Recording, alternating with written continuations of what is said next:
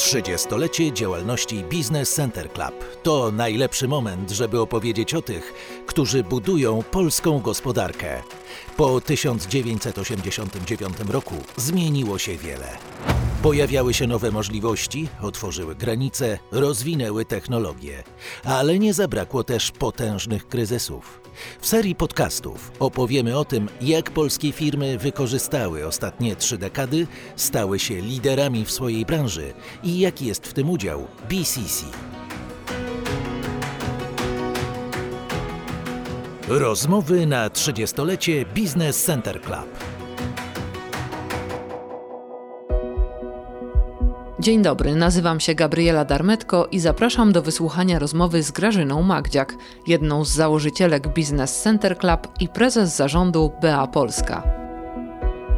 Giełda na przykład, jedną z takich rzeczy, którą wydaje mi się, że, że fantastycznie sobie poradziliśmy. Myśmy byli jedną z pierwszych firm, która wprowadzała spółki na giełdzie. Jelfa, Sokołów, w tym roku mamy 30-lecie Business Center Club i jest Pani jedną z osób, która współtworzyła BCC. Czy pamięta Pani ten moment, kiedy pierwszy raz e, usłyszała o tej inicjatywie? Gdzie to było, jak to było, co to był za pomysł? Tak, pamiętam to, bo to był na tamte czasy niezwykle oryginalny pomysł ja wtedy zresztą dokładnie w tym samym czasie zakładałam firmę, która funkcjonuje do dziś i do której jestem prezesem. I zwrócił się do mnie jeden ze znajomych pana Marka Goliszewskiego, czy nie zechciałabym pomóc w przygotowaniu założeń stworzenia właśnie takiej organizacji, o której myśli pan Marek Goliszewski i poznał mnie, to był 89 czy początek 90 roku, więc poznał mnie wtedy z panem Markiem Goliszewskim i pan Marek Goliszewski wyjaśnił mi jeszcze, pamiętam, w takiej bardzo no, tymczasowej siedzibie w dawnym Ministerstwie Gospodarki na ulicy Kruczej, tam wtedy funkcjonowało w głębi za hotelem Forum były wynajmowane pomieszczenia i wtedy pan Marek Goliszewski przekazał mi, jak on widzi powołanie tego klubu, y, po co on jest, jakie mają zasady przynależności. I to było wówczas no, czymś niesłychanie takim nietypowym i bardzo mnie to zafrapowało. Stąd ze wszech miar oddałam się tej idei. No tak, i wtedy to był taki czas, kiedy wszystko się e, w tej nowej Polsce kształtowało, rozwijało. Jak do tego podchodzili też e, inni przedsiębiorcy, czy, e, którzy chcieli przystąpić do BCC? Czy właśnie, czy to było tak, że trzeba było ich zachęcać, czy właśnie sami chcieli przystąpić, bo wiedzieli, że to jest inicjatywa, która się na pewno rozwinie i się przyda? No, było to różnie, dlatego że w przypadku kolegów, przedsiębiorców, którzy już mieli powołane firmy, bo to był, tak jak pani słusznie powiedziała, okres, w którym no, cała przedsiębiorczość jakby zaczęła wstawać e, z kolan i każdy, kto był zainteresowany prowadzeniem firmy, próbował ją jakoś ustrukturyzować, zdobył środki finansowe, jakieś swoje miejsce na rynku. Więc dla tych, którzy już takie firmy mieli, oni potem bardzo często powoływali nowe, te firmy się zmieniały, ale już je mieli, to uznali to za bardzo dobrą inicjatywę, no bo mieli świadomość, że potrzebują takiego wsparcia systemowego w reprezentowaniu swoich interesów z rządem. No i wobec pracowników także, ale przede wszystkim wobec rządu, po to, żeby dbać właśnie o swoje biznesowe interesy. Natomiast ci koledzy nawet, którzy no, reprezentowali duży potencjał, nawet intelektualny i, i finansowy, ale którzy byli na etapie tworzenia dopiero swoich biznesów, to mówili fantastyczny pomysł, ale ja muszę najpierw dokończyć swoje działania związane z powoływaniem własnej spółki i dopiero wówczas będę gotowy na przystąpienie. I ci przystąpili, ale dopiero po jakimś czasie. Natomiast nie przypominam sobie, by ktokolwiek na tamtym etapie mówił, to nie jest dobry pomysł. Każdy mówił, że dobry, natomiast no, część z nich była gotowa już wesprzeć tą ideę, Część mówiła, że zrobi to później. Rzecz polegała również na tym, że tutaj no, również jakieś pieniądze należałoby deklarować, i, a przy tworzeniu biznesów takich startupowych na tamte czasy, każdy był startupem, to jednak także wymagało no, poświęcenia temu jakiejś skali pieniążków, które miały być przeznaczone na rozwój własnego biznesu. No tak, a z drugiej strony trzeba było też e, zdobyć jakieś kontakty z, z rządem, żeby móc wpływać na to, jak e, to prawo gospodarcze będzie kształtowane. Jak to właśnie przebiegało z tej drugiej strony? Jak władza się odnosiła do BCC? Na początku powiedziałabym, no, ani nie była niechętna, ani nie była specjalnie przyjazna, to znaczy była obojętna, bo ponieważ myśmy sami nie bardzo wiedzieli, jak się mamy na tym rynku znaleźć, żeby móc y, zafunkcjonować, żeby móc się pokazać jako realna siła w reprezentowaniu interesów wobec rządu, to podobnie oni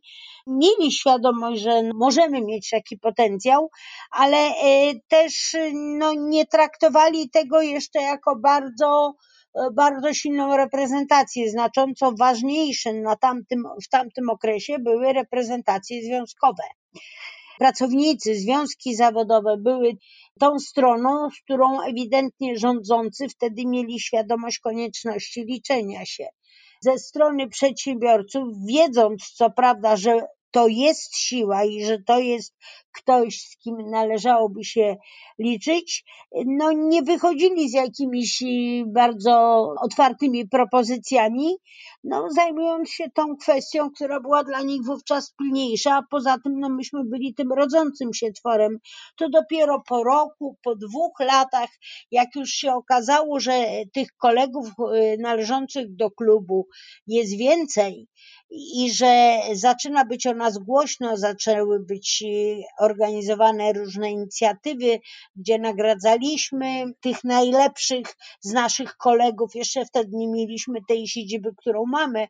To się odbywało w różnych siedzibach firm naszych członków, takich większych jakichś y, instytucjach, firmach, bo to było w różnych, w różnych miejscach, to wówczas dopiero tam zaczęli bywać przedstawiciele rządu, ale to się odbywało bardzo, bardzo powoli, żeby nie powiedzieć niezwykle powoli. To o to trzeba było walczyć i tą pozycję należało sobie wywalczyć i ona od samego początku na pewno nie, władza od samego początku nie miała otwartych ramion dla nas, absolutnie nie. Jednym z kamieni milowych w historii Business Center Club było powstanie Związku Pracodawców BCC. Jego członkowie brali udział w komisji trójstronnej, a później w Radzie Dialogu Społecznego. W tym czasie z inicjatywy BCC wniesionych zostało ponad 200 poprawek do ustaw sejmowych.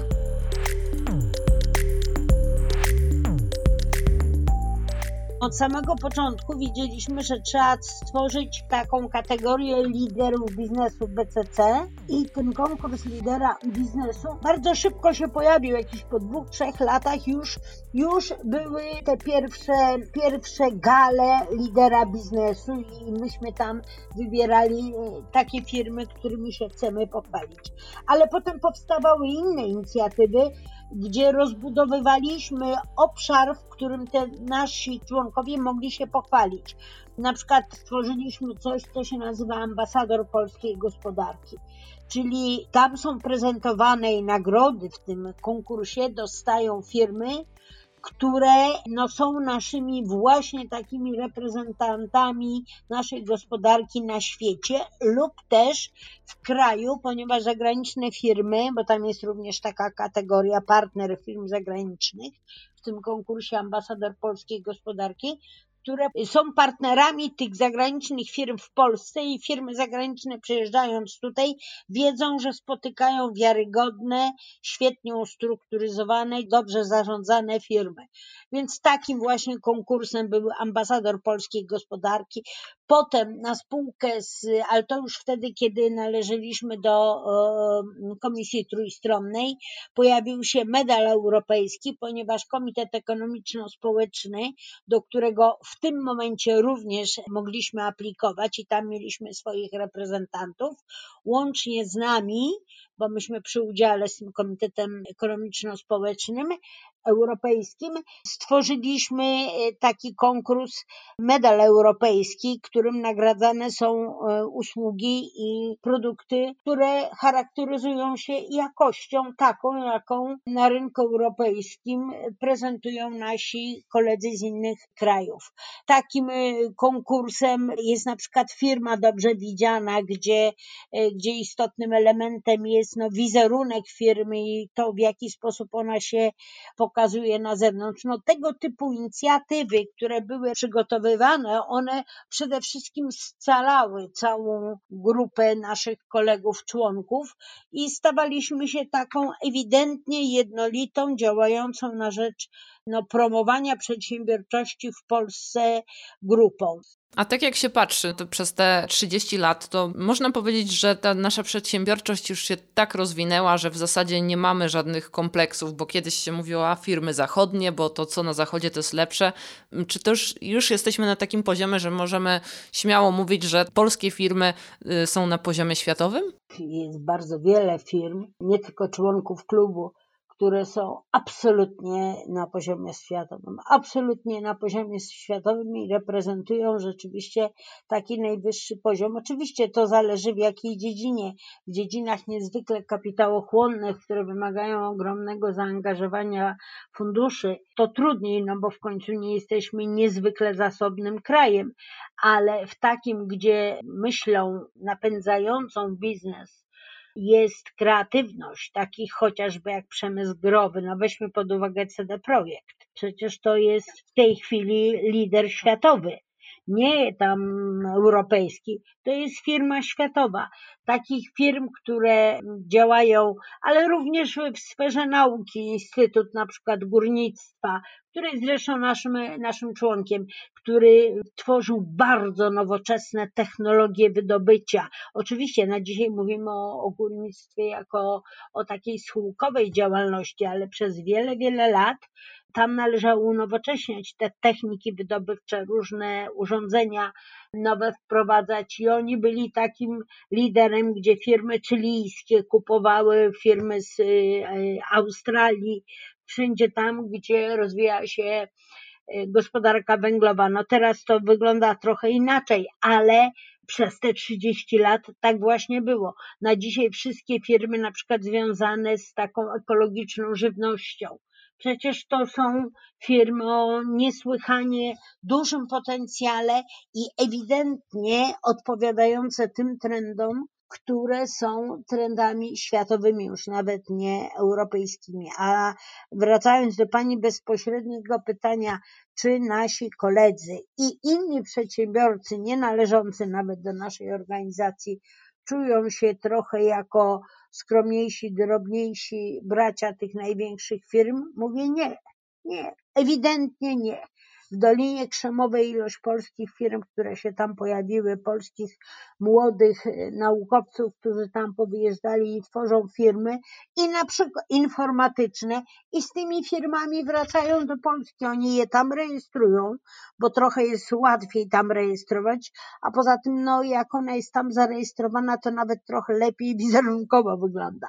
E, wydaje się łatwiej jest tu zaistnieć wówczas, ale to są ludzie, którzy no, idą prze, przebojem przez, e, przez świat i wobec tego ja nie widzę żadnego takiego zakłopotania czy poczucia trochę e, bycia mnie młodszym i mniej młodszym bratem, czy, czy, czy nie do końca w pełni odpowiadającym tym największym firmom partnerom. Oczywiście, jak mówimy o gigantach międzynarodowych, to e, takich jeszcze w Polsce nie ma, ale to nie takie giganty tworzą klimat gospodarczy. Klimat gospodarczy tworzy w każdym państwie grupa małych i średnich firm, a u nas akurat ten segment przedsiębiorców fantastycznie sobie radzi. Oczywiście możemy mówić o sytuacji w covid o inflacji, o różnych perypetiach z regulacjami prawnymi, z tamtym rządem, z tym rządem, z kolejnym rządem.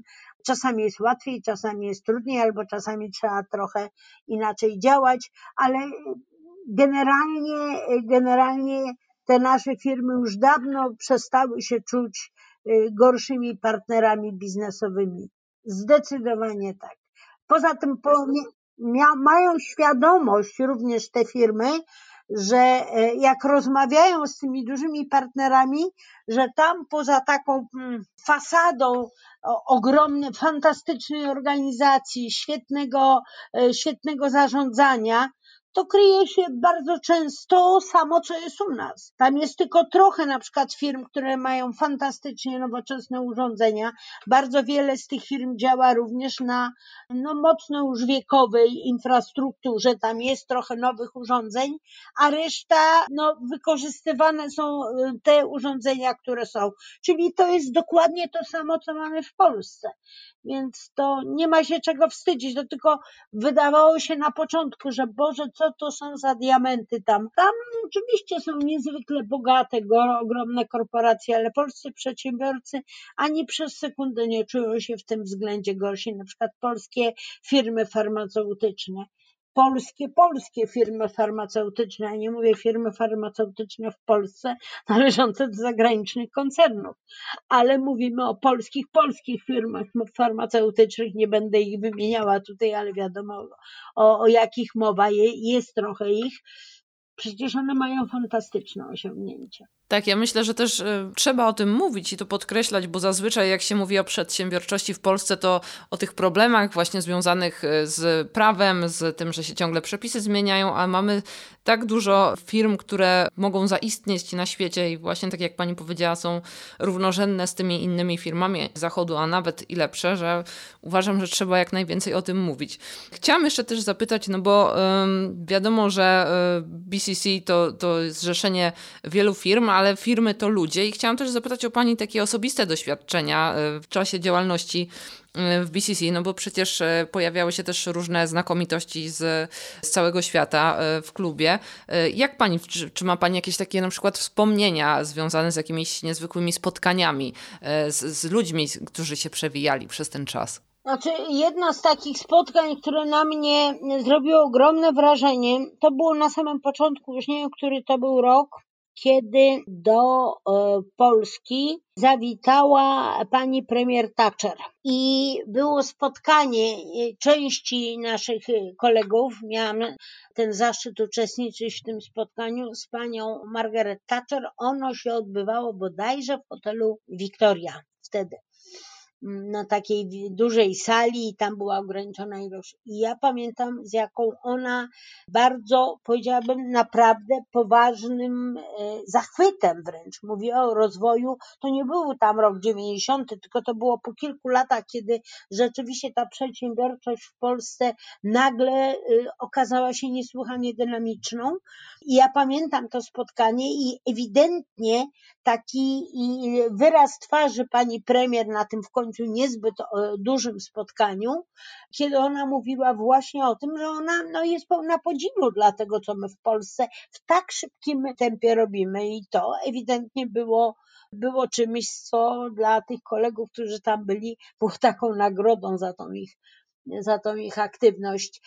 Natomiast ja muszę powiedzieć jeszcze o innej rzeczy, która w klubie jest czymś, ja mam wrażenie, nie tak często spotykanym wśród y, organizacji przedsiębiorców, ponieważ my jesteśmy organizacją zrzeszającą indywidualne firmy a nie na przykład związki branżowe, jak chociażby nasi koledzy z Lewiatana, którzy sobie świetnie radzą, ale oni zrzeszają przede wszystkim, z wyjątkiem wąskiej grupy takich bardzo zasobnych finansowo dużych podmiotów, to gro tych podmiotów należących tam to są związki branżowe reprezentujące poszczególne tam właśnie obszary biznesowe, jakieś farmaceutyczne, kosmetyczne, hutnicze i jakbyśmy tam.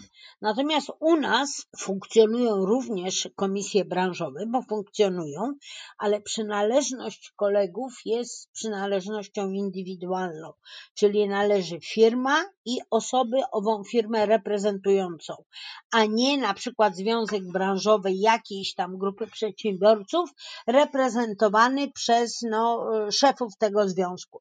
Ponieważ u nas są te indywidualne członkostwa, to e, długoletni członkowie, albo nawet niedługoletni, no wystarczy 5 lat, chociaż 5 lat to już też wydaje się być długo spotykania się. Ja macham ręką na 20 rok, no bo on był rzeczywiście wyjątkowo nietypowy i mam nadzieję, że szybko o nim zapomnimy.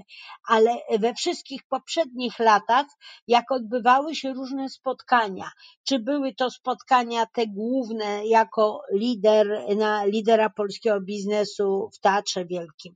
Kiedyś organizowaliśmy również gale letnie na Służewcu znacznie, y, o, tam można było w znacznie w szerszym zakresie poznać naszych kolegów, tam przyjeżdżały, przyjeżdżali reprezentanci firm z całymi rodzinami, z żonami, z dziećmi, czy panie y, szefowie firm z małżonkami też z dziećmi, więc to były takie bardzo rodzinne wręcz spotkania.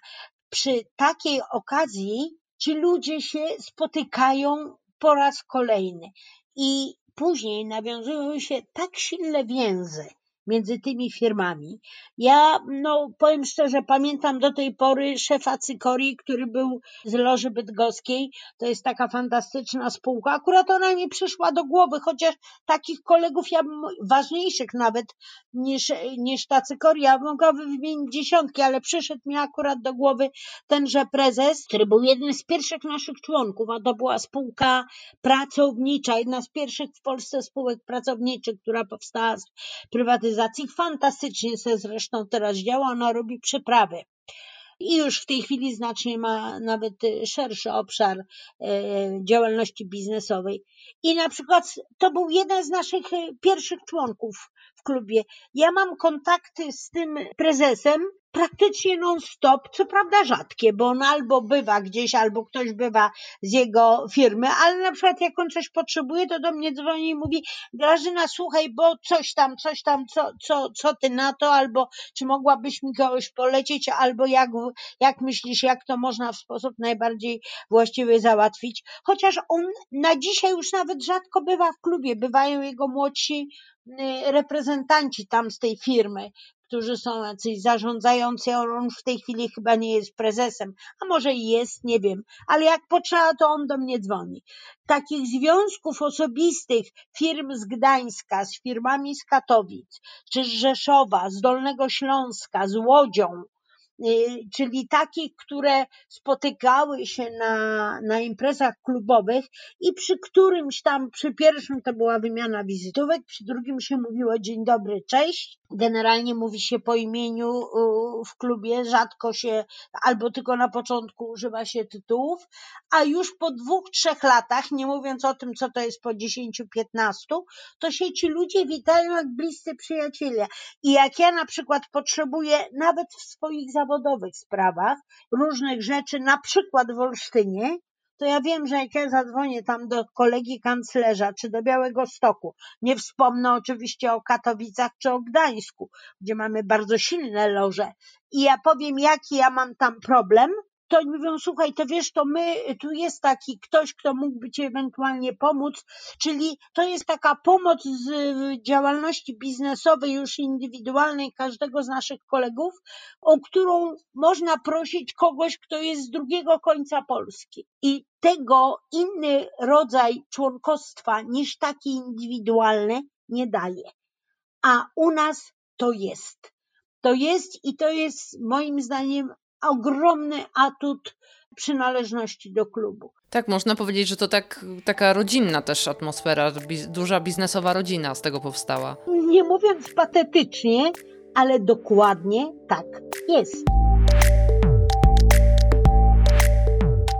Jesienią 1990 roku Grażyna Magdziak wraz z grupą pracowników naukowych instytutów badawczych założyła firmę BEA Polska.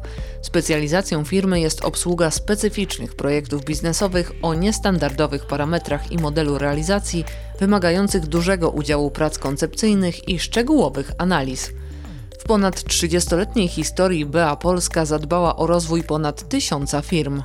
W 90 roku to najpierw to było tworzenie spółek joint venture w oparciu o ówczesną ustawę, która się pojawiła i dawało to zwolnienia podatkowe, taki handicap podatkowy dla takich podmiotów, które się tworzyły i pamiętam na początku przez pierwszy rok, tośmy powiedziałem taśmowo robili tego typu wnioski, które pozwalały tym firmom, naszym, naszym klientom skorzystać z tej, z tej możliwości. No potem się oczywiście zaczęła prywatyzacja i myśmy byli jedną z pierwszych firm, która w tą prywatyzację się włączyła, no i takich firm sprzedanych w imieniu Skarbu Państwa, tam było około 70 i były to również bardzo duże firmy typu Jelfa na przykład, e, czy Ruch, więc to, to nie były małe, dużo firm zbrojeniowych, znaczy takich zbrojeniowych działających na, e, w obszarze zbliżonym, bo zbrojeniówka nie była, ale farmaty nie była przedmiotem sprzedaży, ale takie firmy około zbrojeniowe już były, czy firmy związane z działalnością w przemyśle ciężkim, więc to była ta działalność związana z prywatyzacyjnymi pracami, ale ona wygasła już w końcu lat 90. Po pierwsze dlatego, że to, co było łatwe do sprzedaży, to zostało.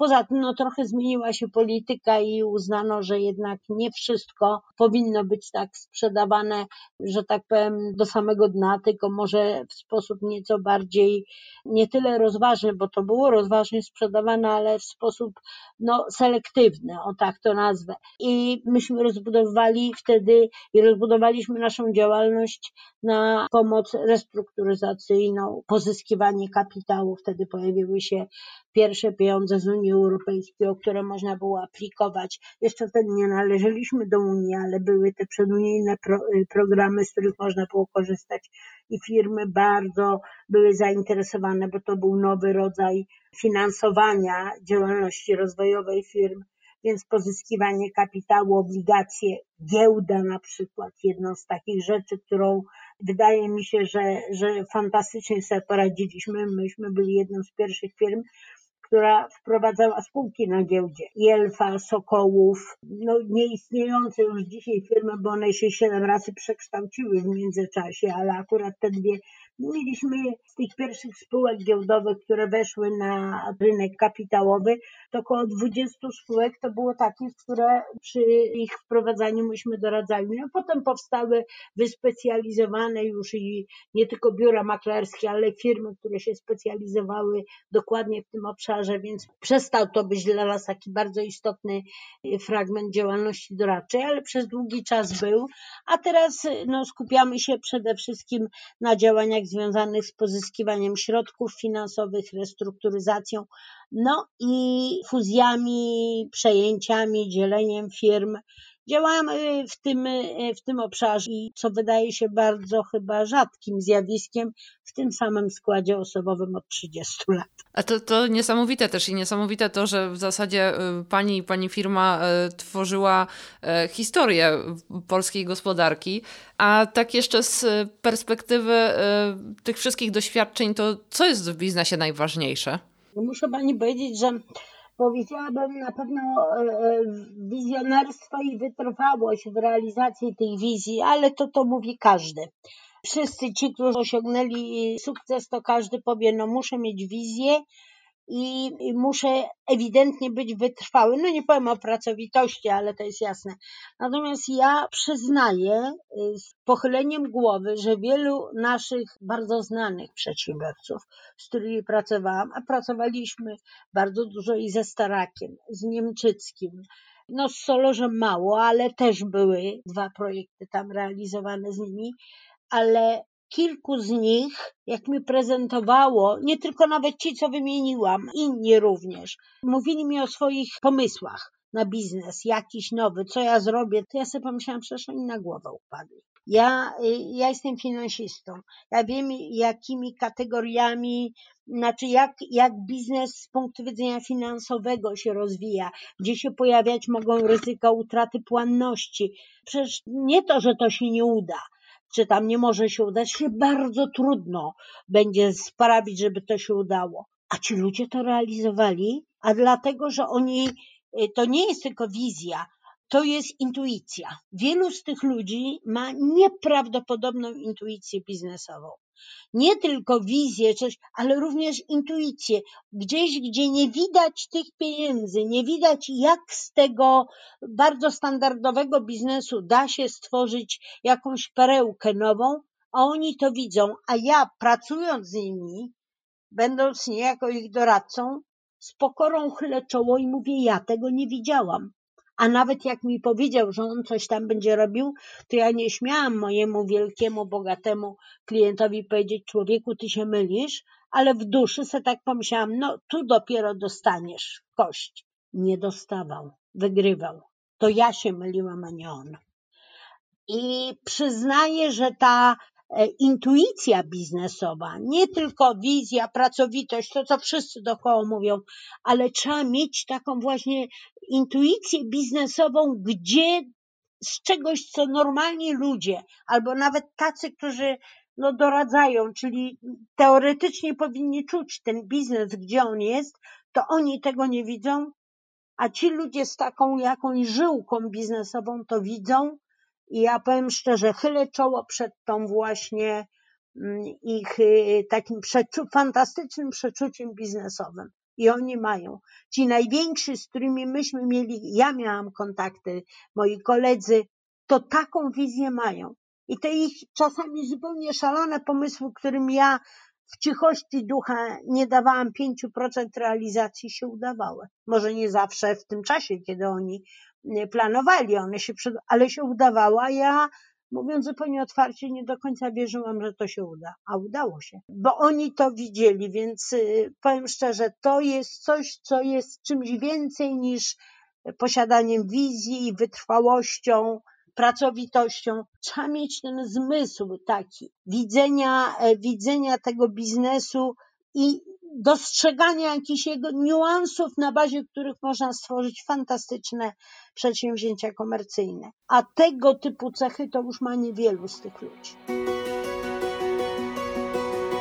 Gościem odcinka była Grażyna Magdziak, jedna z założycielek Business Center Club i prezes zarządu BA Polska. Po więcej inspirujących historii zapraszamy do kolejnych odcinków serii Rozmowy na 30-lecie Business Center Club.